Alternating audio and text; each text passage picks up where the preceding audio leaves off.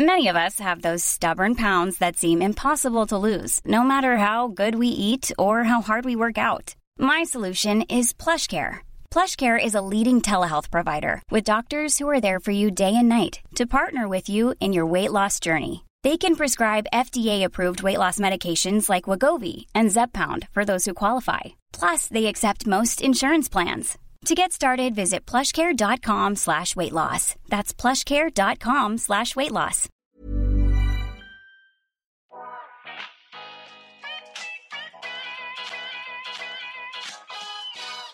Välkommen till En timme med där jag, Sanja Tigeltia, träffar människor som inspirerar mig, som berättar om sina karriärresor, pratar självutveckling och hur de har kommit dit de är idag. I dagens avsnitt så träffar jag Johanna som arbetar som VD på varumärket Totem.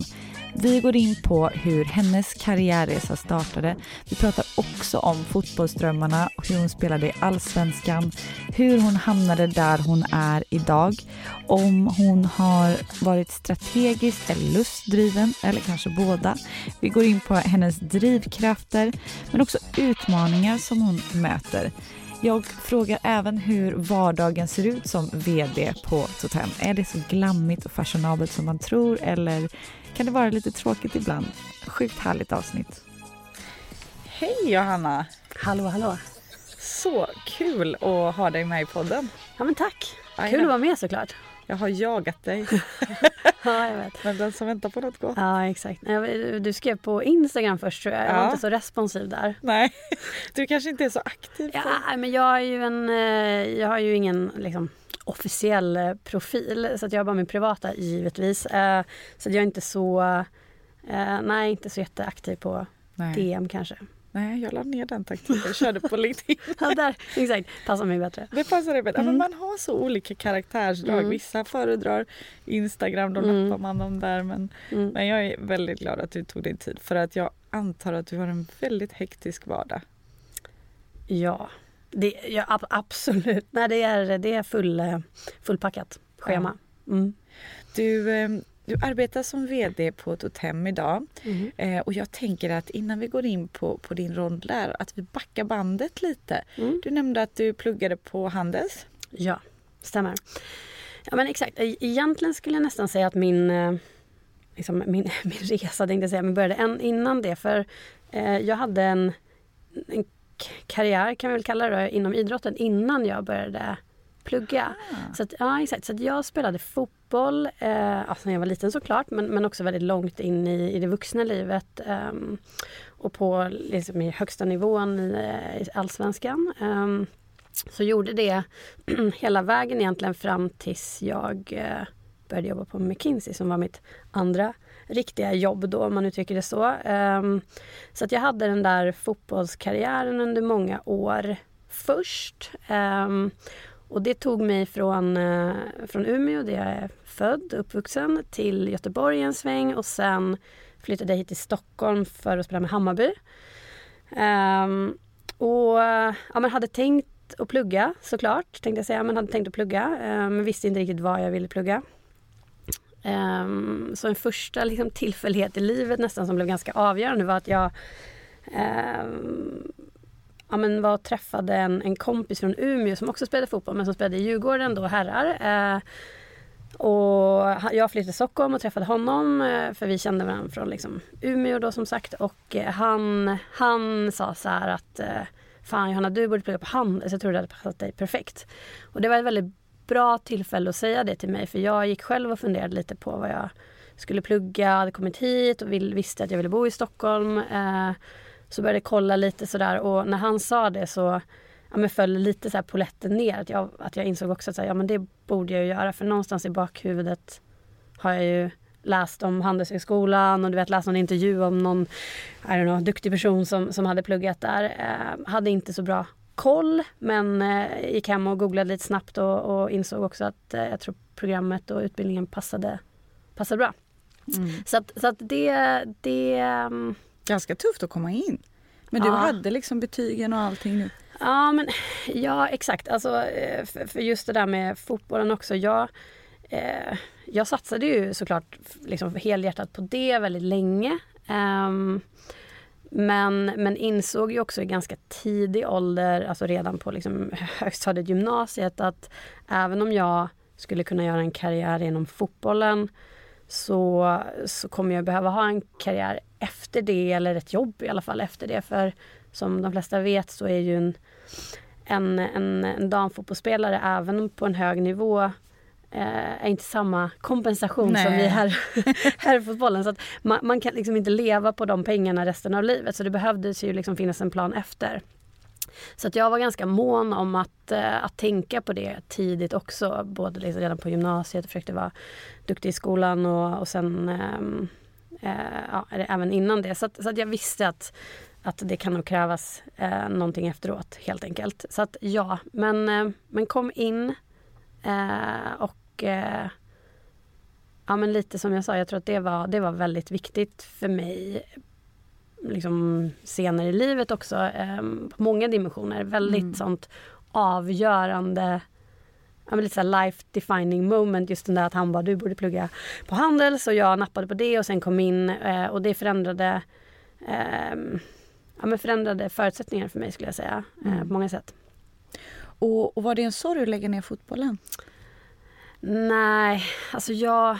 Eh, jag var ganska klar. Jag blev helt okej, okay, men aldrig liksom bättre än så.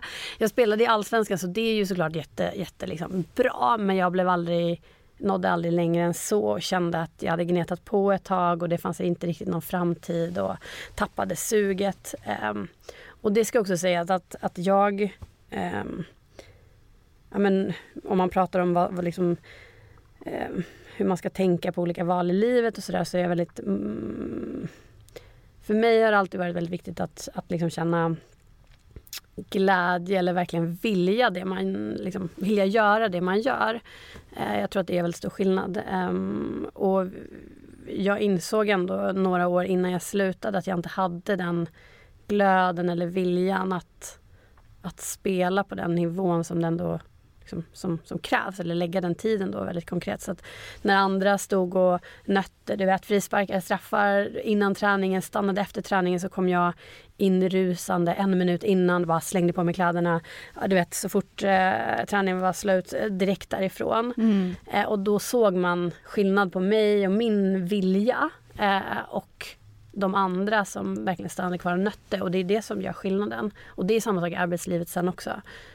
Um, och det blev också ett tydligt tecken på att eh, det var nog dags att sluta. Ja. ja men det var det. Men jag kan tänka mig att du har tagit stor fördel att spela eh, någon sport eller en mm. sportfotboll då i det här mm. sammanhanget på elitnivå. Mm. Ja, ja, otroligt. Alltså det har ju varit eh, jättegivande. Eh, både under resan, att det var otroligt kul. Eh, jag var borta jättemycket från gymnasiet vilket eh, var jobbigt med skolan men, men vi reste massa, var på träningsläger och man fick bara uppleva. Jag reste supermycket väldigt tidigt. Ehm, så. Mm, men också såklart det man har tagit med sig efteråt. Alltså just det här med att eh, ja, men lite kring, eller mycket egentligen kring liksom lag, samarbete, eh, någonstans kring att här, man är liksom inte bättre än den liksom, svagaste länken. Att det handlar väldigt mycket om att få med sig alla, skapa, eh, skapa ett engagemang och eh, ett gemensamt mål. Alltså mm. alla de här grejerna som är superviktigt i, i idrott, i lagidrott kanske framförallt. Um, är väldigt likt också i arbetslivet. Ja, och din så. roll idag ja, säkert. Ja, absolut. absolut. Få med dig bolaget. Och ja. liksom, man kan ju se tydliga Nej, alltså, jag ska väl inte, ska inte, ska inte underskatta också att det är många i, som intervjuar som tycker att det är sjukt kul att jag har spelat fotboll. Så att så fort jag du vet, i tidiga, eh, du vet, långt tillbaka i tiden när man sökt något extrajobb så jag tror inte det är någon arbetsintervju jag har varit på där man inte har velat prata om liksom, fotbollen. Ja. Så den, den, den, liksom, den triggar igång nyfikenhet och man tycker ja. liksom att det är så spännande. Så att, utöver att det faktiskt har gett mig någonting som person så har det också liksom, CV-mässigt och trist eh, liksom, kommentar. Men, men också gjort skillnad ska jag ju säga. Ja, för, för också att man mm. vet att, att liksom, har man spelat på den nivån och en mm. lagidrott så, så kan, är du antagligen väldigt samarbetsvillig. Ja. Eller liksom hela den. Ja, du har ett driv och du, har liksom, du kanske sätter mål som du jobbar mot och du är så här, lite så här, duktig på att gneta på och mm. kämpa. Det är inte alltid liksom, kul att träna varje gång det blåser snålt. Liksom, och allt det är ju drömmanställd. exakt. Så bara borra ner huvudet och köra lite den liksom, mentaliteten också får man ju med sig. Um, så att uh, när jag älskar om någon har på med lagidrott på uh, ja. inte arbetsintervjuer också å, å andra sidan. Mm. Det tänker jag många kommer efter att ha lyssnat på det här nu krydda till sig. Exakt. Spelade fotboll när jag var 6-10. Du bara allsvensk, jag har inte hört talas om det. exakt, exakt, exakt. Nej men, men 100 procent. Jag, för mig så är det, har det varit jätteviktigt och jag gillar också den profilen även nu. Mm, mm. Och eh, du nämner efter handel så hamnar du på McKinsey. Ja. Det är köttigt. Det är köttigt. Ja men det är det. um, var det en plan? Mm. Ja. Um, alltså det var absolut inte en plan sådär från du vet när jag var 16 eller någonting. Men däremot så under tiden på Handels så um, ja, men började man fundera på vad man ska göra sen såklart. Uh, det är ingen handelsfenomen, det gäller ju alla utbildningar och så. Uh, och uh, nej men man undersökte ju vad det fanns för olika möjligheter framför en och, och just McKinsey Ja, men jag vet att Adeline var ju här för någon, eh, någon vecka sedan och så hon, hon berättade ju också lite det här men, men någonstans handlar det om att eh, eh, det McKinsey kunde erbjuda tyckte jag lät väldigt spännande och det man kunde erbjuda var ju eh, variation i arbetet. Liksom. Mm. Det fanns allt möjligt man kunde göra om du var intresserad av mode som jag är så kan du jobba med mode. Var du intresserad av eh, du vet, know, självkörande bilar så kan man göra det. Eller vill man jobba inom bank så kan man göra det. Så det fanns ett smörgåsbord av, av liksom eh, industrier. Du behövde inte välja det så tidigt. Det var eh, liksom den internationella dimensionen. Att var jag sugen på att jobba eh, tre månader i New York så fanns den möjligheten. Eller Hongkong eller Barcelona eller London eller vad det kan vara. Eh, och också eh, ja, men direkt få, få hugga tag i svåra frågeställningar. Även om man i början får en liten, liten del av det. Kanske inte bidrar så mycket så får man i alla fall vara med i rummet eh, och lyssna på det och höra eh, företagsledningar eller ledare prata om sina problem och utmaningar eller liksom, eh, å andra sidan liksom, möjligheter. Så, så det var också väldigt eh, så här, eh, någonting som jag tyckte lät kul. Och sen den sista anledningen var väl också bara att här, det är få ställen jag tror man kan lära sig så mycket så snabbt. Mm. Det är ju verkligen en crash course i det mesta. Eh, och det var precis det jag ville, behövde liksom, vid det tillfället. Mm. Um, sen stannade jag ganska länge också så det tyckte jag att det var kul. Ja, du gjorde det. Ja. Och var det där du då började nischa in dig lite på mode ja. eller kände du låg det i periferin eller hur? Nej, alltså det, det har ju varit the grand masterplan tänkte jag säga. Men, nej men så här, jag har... Um, jag har haft en varit, plan? Ja, alltså jag har alltid varit jätteintresserad av mode. Sen jag var liten tror jag. Tyckte att det varit jättekul. Um, och har väl så drömt om att få jobba inom det men, men har absolut inte liksom den här kreativa dimensionen som gör att jag skulle kunna jobba som jag vet inte, design eller produktutvecklare eller, eh, eller eh, starta ett, ett, ett, varumärke eller så. Det, det finns ju inte på liksom, världskartan. Så jag insåg att om jag ska jobba med mode så måste det vara liksom, affärsdimensionen i mode. Um, så, så, det har jag ju alltid sett som jag ska inte säga så slutmålet, för det är det ju kanske inte, men, men definitivt ett mål. Mm. Någonting jag verkligen har velat göra. Um, så, så det var redan då innan McKinsey så kände jag ju då att ja, men antingen skulle jag kunna börja direkt på ett liksom, consumer goods retail eller liksom mode, modeföretag eller så kan jag försöka liksom få jobb på McKinsey och få jobba med dem men också lära mig från andra industrier och lite tillbaka till den här crash coursen, alltså sprida på liksom, eh, inlärningskurvan lite kring det. Så, att, så det var logiken med, med det. Men det fanns alltid liksom viljan att, att jobba inom mode. Så att jag, jag tror jag har sagt det vid något annat tillfälle men min första dag på McKinsey så skriv, gick jag in på intranätet och så googlade upp Typ, eh, vem jobbar med mode på McKinsey och vem är liksom ansvarig för den sektorn. Och, och så hittade en super liksom, chic fransyska i Paris som säkert jobbade med massa coola brands. Eh, så jag mejlade henne verkligen så här första dagen på jobbet och bara hej hej jag heter Johanna, jag är jättesugen på att jobba med mode. eh, och hon fick säkert hundra sådana mejl per dag för det är ju många som tycker att det är kul. Ja. Men hon svarade faktiskt och skrev så här, åh tack för ditt mejl, jag ska ha dig på radarn. Sen mm. hördes vi inte så mycket. Eh, hon hade mycket annat. Men, men, så det var väldigt tydligt att jag gärna ville, ville göra det och sen var det liksom hela, alla val jag gjorde på McKinsey var ändå på något sätt liksom mot det målet. Att försöka göra mycket consumer goods, retail och, och liksom etablera mig inom det man på McKinsey då kallade apparel, fashion och luxury goods och jobba liksom med det. Så det gjorde jag den stora delen av tiden på McKinsey. Vad är det med mode som du tycker är kul? oh, gud, det var jättesvårt. Den har jag inte preppat uh, dig nej, på. Nej, den bara kom nu. Ja. Men liksom är det, är det att det, får, det ger dig en känsla eller är det så vad mode har skapat i världen? Eller? Bra fråga. Nej men, eh, men jag, jag gillar fina saker om man mm. börjar där. Jag tycker att det är liksom härligt med, med, med saker som är fint. Om det så är liksom inredning eller liksom eh, eller liksom arkitektur eller konst eller då liksom mode. Allt det liksom gillar jag. Um, gillar jättemycket att se en film när det är så fina miljöer och, och, och bilar och, och, tycker att det är, ja, men så trevligt att titta på. Uh, och alltid så. Jag är inte den här kreativa som behöver så uttrycka min personlighet i mode utan tycker, tycker det är trevligt med fina saker. Ja. Men, men sen uh, Ja, men lite på samma tema så tror jag också att jag tycker att det är en sån härlig flärd kring det. Och du vet, så från filmer ja. och serier. Det är härligt. Liksom. Det ger dig någon det, känsla. ja, exakt. Um, Ja. ja. det är intressant. För det, ja. det är säkert så att fråga. någonting får dig säkert harmoni när du liksom ja. upplever några fina saker eller liksom mode. Eller, Det är säkert någon känsla som man inte riktigt kan ta på heller. nej, jag har faktiskt aldrig fått den frågan vad det är man gillar. Men ja, nej, Nej, för det är så tydligt också att du, du tycker om det. Att du ja. har så här haft en... Men hur hamnade du på, på Totem? Det var ju då strategiskt. Var du liksom, dit ska jag eller? Döpt? Nej, men eh, så här.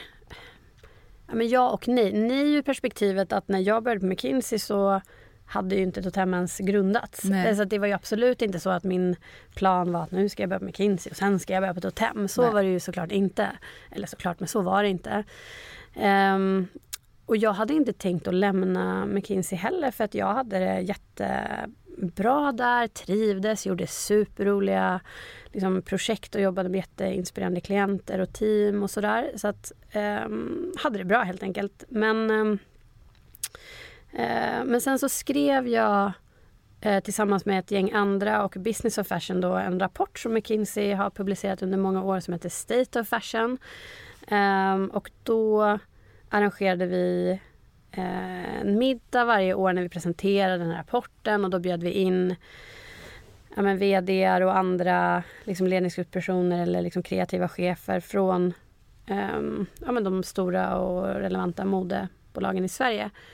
Uh, och den sista middagen jag hann göra då eh, var ju också Totem hade seglat upp och helt plötsligt var väldigt relevanta och, och så. Så att de bjöds in såklart. Eh, och eftersom jag tyckte att Totem var otroligt spännande så eh, och jag gjorde bordsplaceringen så valde jag att sätta mig själv bredvid Totem. Så jag satt med Karl eh, Lindman då, eh, en av grundarna såklart till Totem.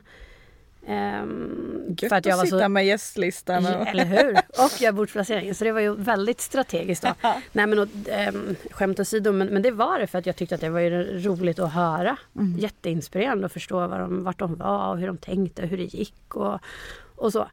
Um, och det var, ja, tänkte säga resten är historia, men det var att ta i. Men, men, um, ja, men blev lika eh, inspirerad och imponerad av um, av Totem när jag väl också satt och pratade med Karl om det.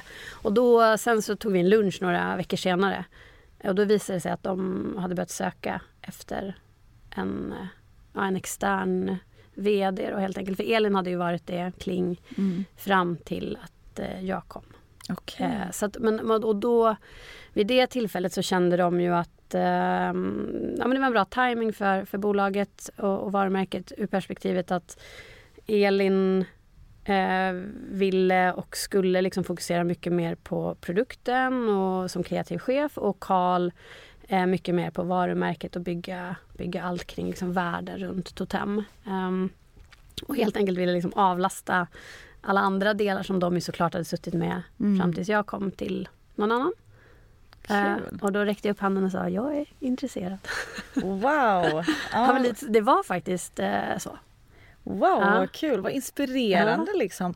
Och att så här, vill man något så kan man ju ta för sig. Ja. Att liksom så vara lite strategisk. Var lite, inte, för det var en av mina frågor, är det strategiskt eller lust, är du lustdriven? Men att mm. du då liksom har lite tydliga målsättningar eller planer. Alltså det var ju inte så att min plan när jag satte Karl bredvid mig på den där middagen var att nu ska jag bli VD på Totem. Så så, så ut, tänkt var det såklart inte. Men, men däremot så fanns det ju, har det hela tiden funnits att den dagen jag slutar på McKinsey, vilket jag trodde skulle ske vid något tillfälle, eh, så vill jag jobba inom mode. Mm. Och då vill jag jobba med liksom, eh, affärsfrågorna. Mm. Eh, så det är klart att det fanns det och då har man ju vid tillfällen tänkt så här, ah, undrar vilka varumärken det skulle kunna vara och så radar man upp Exakt. dem i sitt huvud lite och sen um, och första gången jag tänkte den tanken då hade Totem säkert inte ens grundats och sista gången jag tänkte den tanken så var det på den där eh, lunchen.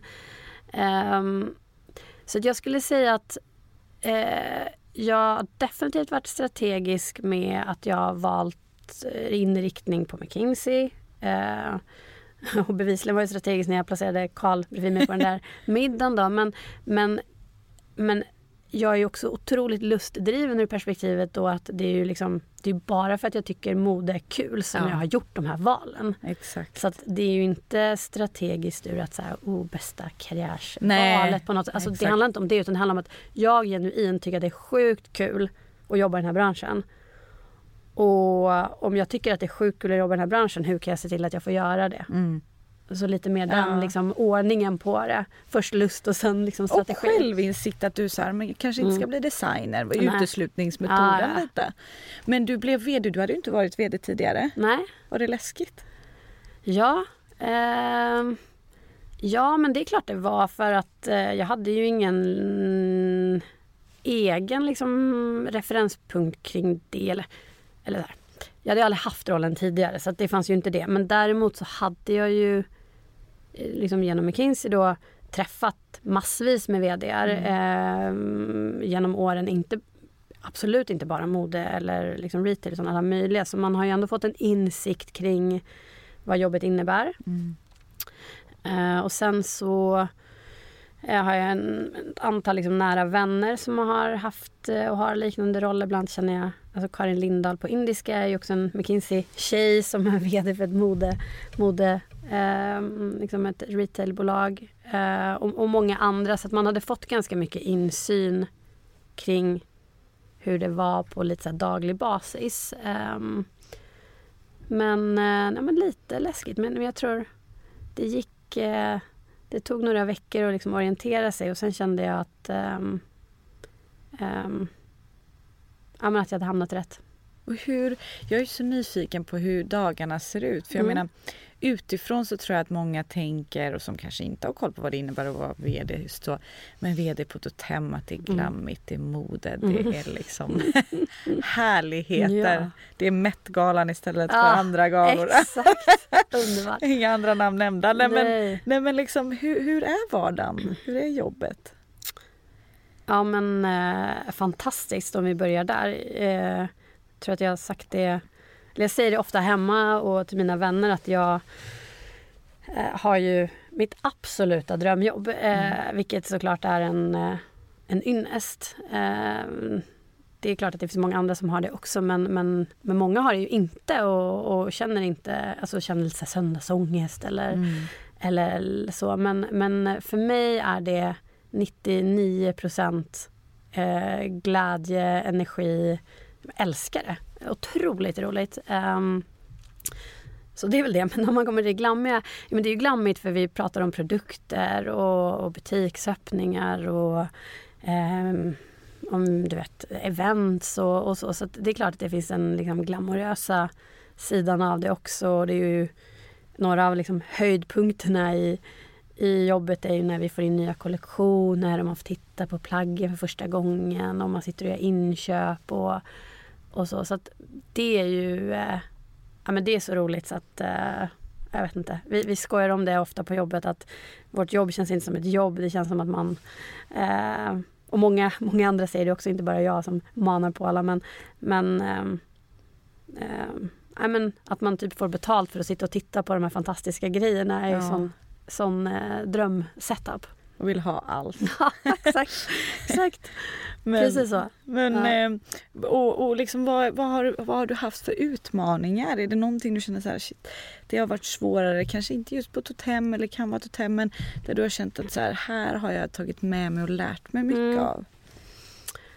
Eh, men så här, det, det finns ju massor med saker som har skett som inte har varit enligt plan eller där man har känt att man inte har levererat eller vad det kan vara. Men, men eh, hur tacklar du det då? Ja men exakt. Alltså jag, jag har ett sätt som jag alltid använder mig av som jag tycker funkar väldigt bra.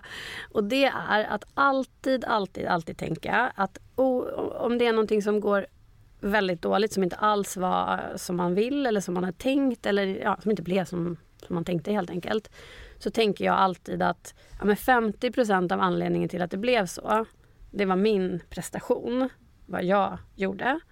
Medan liksom 50% av det, det är så tillfälligheter, slump, otur, call it whatever you want. Mm. Och precis på samma sätt tänker jag om någonting går bra. Att 50% av anledningen till att det går bra, det är jag som har gjort någonting bra och kämpat och varit duktig och, och så vidare. Och 50% är tillfälligheter. Var, hade tur att jag träffade den där personen eller eh, vädret var bra idag så bilden blev fin när vi skulle plåta en kampanj eller vad det kan vara.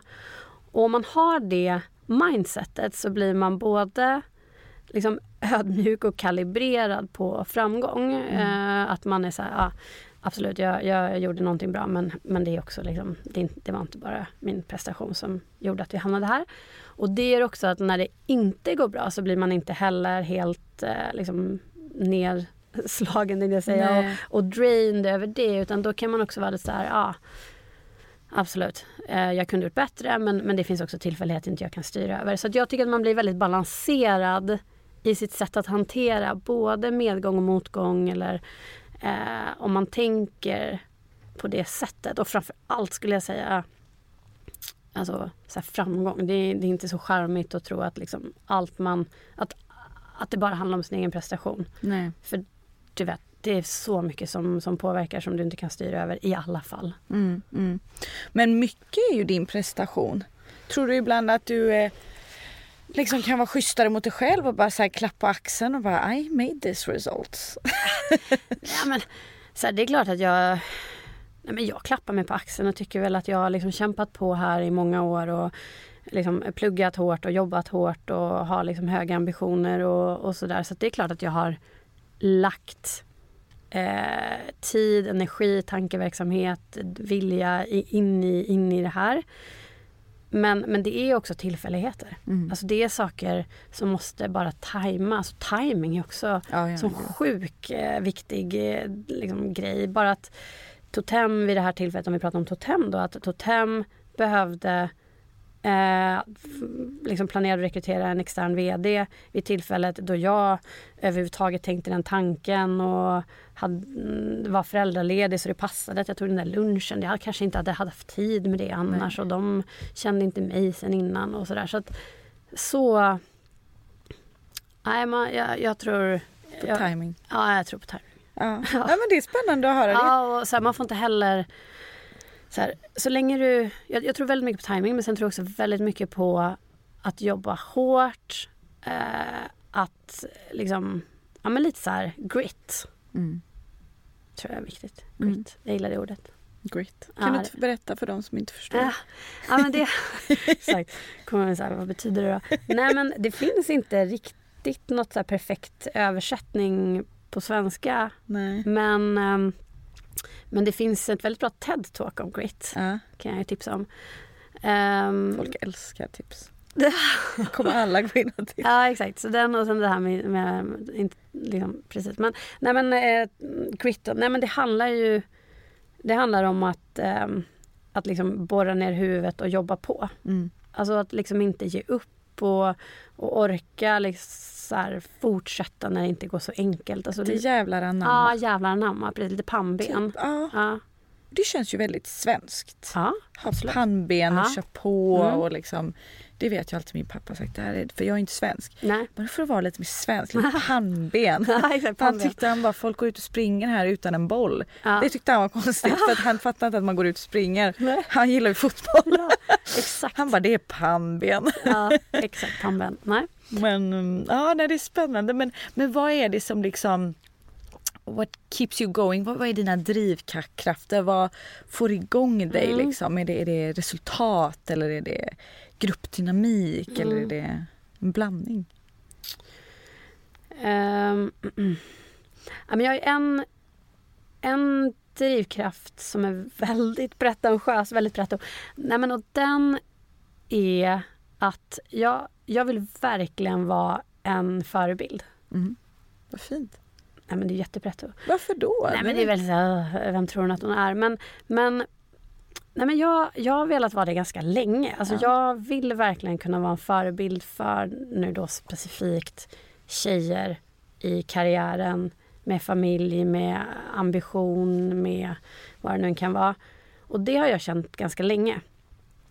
Ehm, och det har absolut inte varit bara för att så här, det inte finns massor av det, för det gör det ju inte. Det, det kryllar ju inte av, av det. Men, men det finns absolut, och jag har också haft förebilder. Men jag har känt att, liksom, att eller jag, jag tycker verkligen att det behövs. Och om jag kan inspirera unga eller gamla tjejer att, eh, att våga eller att, att liksom visa att det finns olika vägar att ta kring karriär, familjeliv, kombinationen av det. Mm. Ehm, att liksom ålder, när man kan ha vissa roller eller inte. Att det inte ska finnas någon... Så här, du kan inte vara VD om du är x år utan du måste ha jobbat så här länge eller vad det kan vara. Utan att man... Att, ehm, nej men att det finns olika sätt och att lite så här, om man vill så kan man och man kan också få ihop man behöver inte välja bort karriär för familj till exempel. Nej. Nej, för du är småbarnsmamma ja. och det tycker jag är så coolt att du liksom, du är VD på ett hem, du är småbarnsmamma och det Ja. går. Man behöver inte välja. Nej. Hur funkar det liksom för dig? Ja, först och främst att, det, att man ens ska behöva liksom prata om Ja. att man ska välja blir man så matt Mm. av. Och, och det är ju givetvis ingen liksom kritik till vår diskussion nu utan det är ju liksom, den här frågan får man ju jämt. Ehm, det är nog den Tyvärr. vanligaste frågan jag typ får. Är det så? Nej men inte riktigt men, men det är väldigt ehm, kanske Ja, ja, men det är alltid- men jo, jo, men det kommer det, alltid ja. upp i alla fall om Ja. vi säger så. Ehm, så. Så bara det säger ju någonting om Hur det ser ut? hur det ser ut. Precis. Så det har också alltid varit en drivkraft att liksom visa då att det går. Uh, låter igen väldigt Mm. brett. Snark. Nej, du är lite hård mot dig själv. Gud. men nej men så är det. Så precis, så vi, har, vi har två barn varav den minsta är väldigt liten också. Mm. Mm. Men det går, man, man hjälps Ja. åt. Ja, Mm. man får bara, man, man får också vara ehm, liksom ödmjuk eh, inför situationen och utmaningarna men också inte vara för hård mot sig själv. Framför allt med familjelivet. Det tror jag är det man annars lätt är. Att man mm, har höga krav på hur, ehm, hur man ska vara som förälder, eller i det här fallet mamma, hur mycket tid man ska spendera. Att man ska I don't know, koka sina egna puréer och what have Mm. you. Eh, om det är ambitionen, då blir det väldigt eh, tufft. Mm. Allt handlar ju om liksom vilken nivå man vill lägga det på Ja, kanske. 100%. Och om man har en samarbetsvillig kanske partner eller liksom som ett team. Exakt. Och ta hjälp. Mm. Ja men exakt. Ja. Och att det är okej. Beroende på vad man har ambitionsnivån. Exakt, såklart. Alltså, vill man inte det så gör man såklart inte det och alla bestämmer precis som de vill. Men, men man ska inte göra eh, sitt val baserat på hur normen ser ut och eller hur liksom grannen gör det. Utan Nej. vad man själv vill. Ehm, så. Och det känns ju jävligt förlegat. Ja, eller? Eller så kanske det är förlegat i storstäder. Mm. Att så här, vi tycker ändå att vi i Stockholm är det ju så här, det är ganska normalt om man har ett sjukt bra jobb att ha hjälp eller man Mm. hinner inte vara Nej, en övermänniska. Eh, men förhoppningsvis är vi ju liksom mer och mer på Ja. väg dit. Men, men jag vill också gå in lite på liksom, ditt dagliga arbete för det har ju varit fantastiska resultat för Totem. Mm. Nu vet ju jag att du tänker 50 är att du var duktig och 50% är ren tur. Jajamän, Du tror på tur, absolut. eh, tillfälligheter. Ja. Men liksom, vad har ändå varit fokus för dig i, Mm. din, som, i din vd-roll? Mm.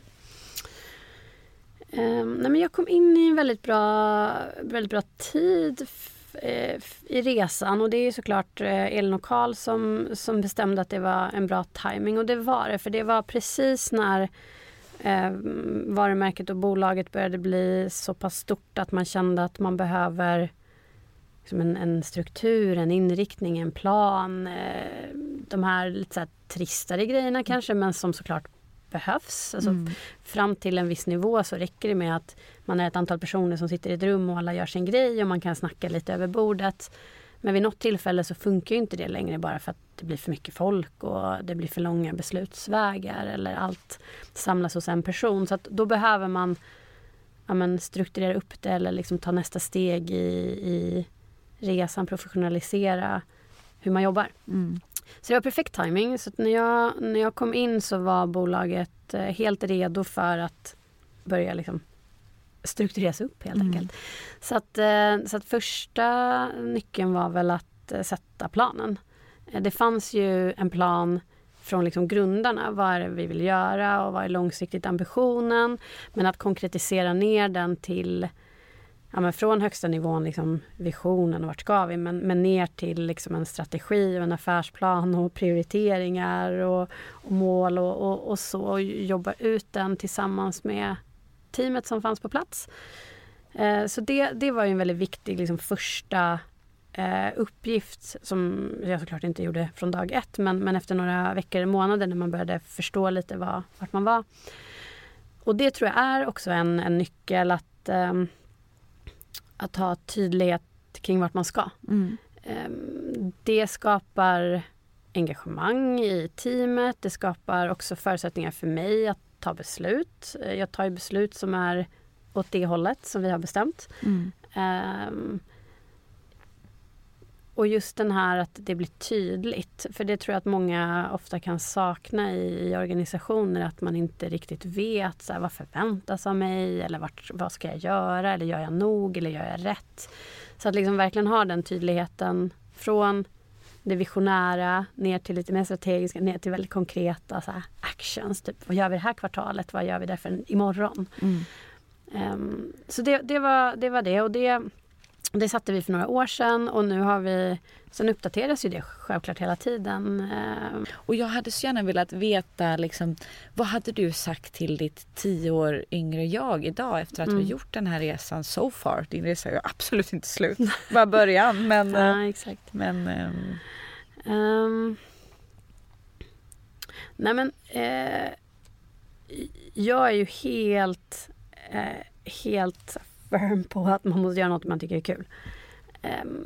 Och I alla fall om man då vill bli duktig på det. För att jag tror att det krävs liksom glädje och engagemang men det krä- gläds också, eller det krävs också att man verkligen orkar liksom, jobba på Mm. och lägga timmarna.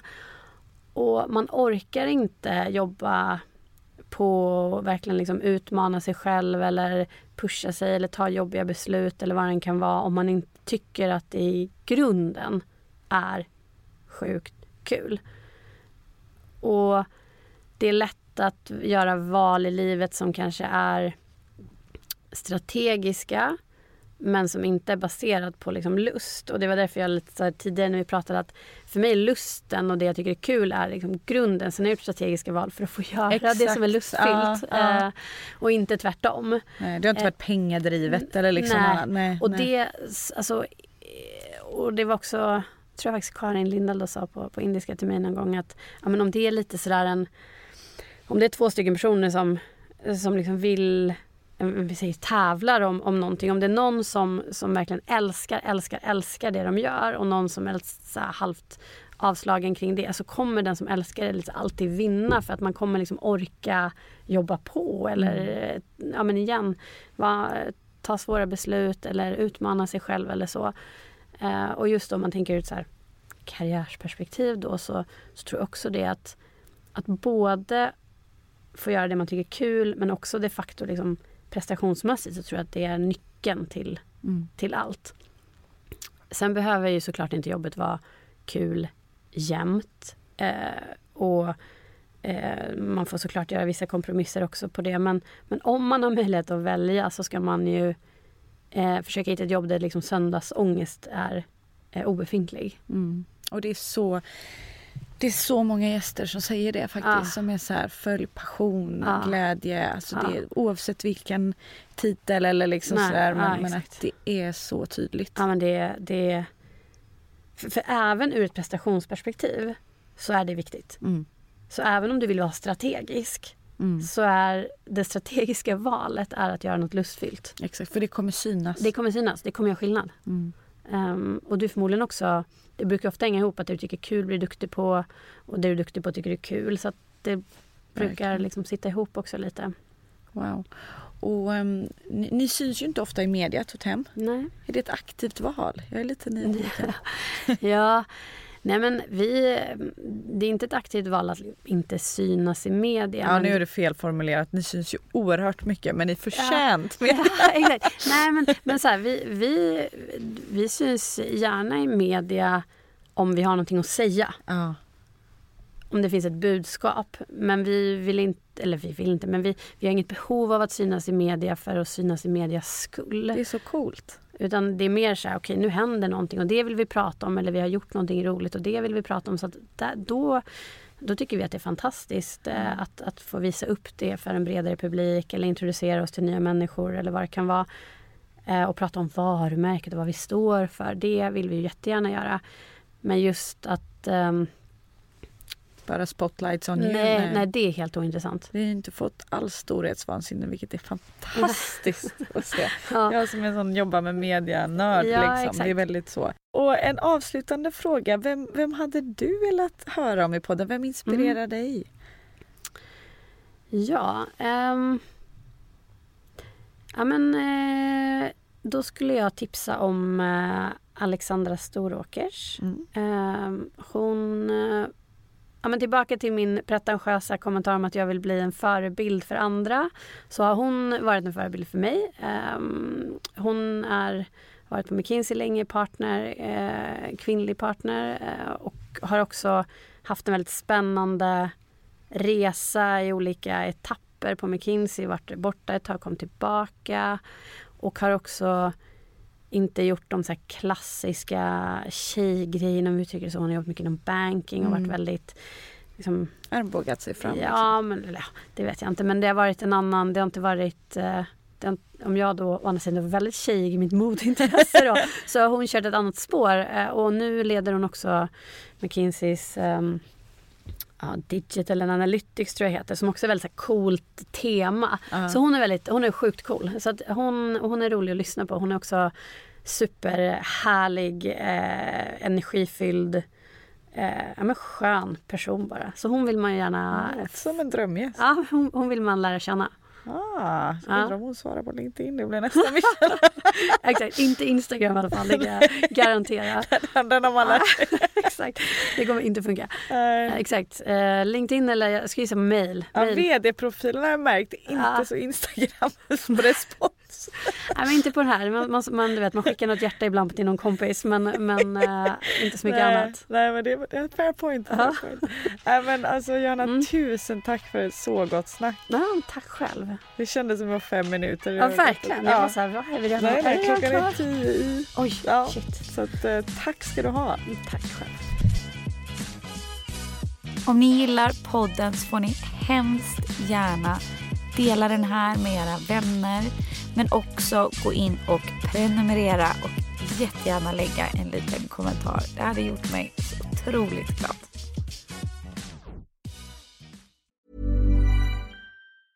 Mom deserves the best and there's no better place to shop for Mother's Day than Whole Foods Market. They're your destination for unbeatable savings, from premium gifts to show-stopping flowers and irresistible desserts. Start by saving 33% with Prime on all body care and candles. Then get a 15-stem bunch of tulips for just $9.99 each with Prime. Round out Mom's menu with festive rosé, irresistible berry chantilly cake, and more special treats. Come celebrate Mother's Day at Whole Foods Market. Hey, it's Paige DeSorbo from Giggly Squad. High quality fashion without the price tag. Say hello to Quince. I'm snagging high-end essentials like cozy cashmere sweaters, sleek leather jackets, fine jewelry, and so much more. With Quince being 50 to 80% less than similar brands. And they partner with factories that prioritize safe, ethical, and responsible manufacturing. I love that. Luxury quality within reach. Go to quince.com slash style to get free shipping and 365 day returns on your next order. Quince.com slash style.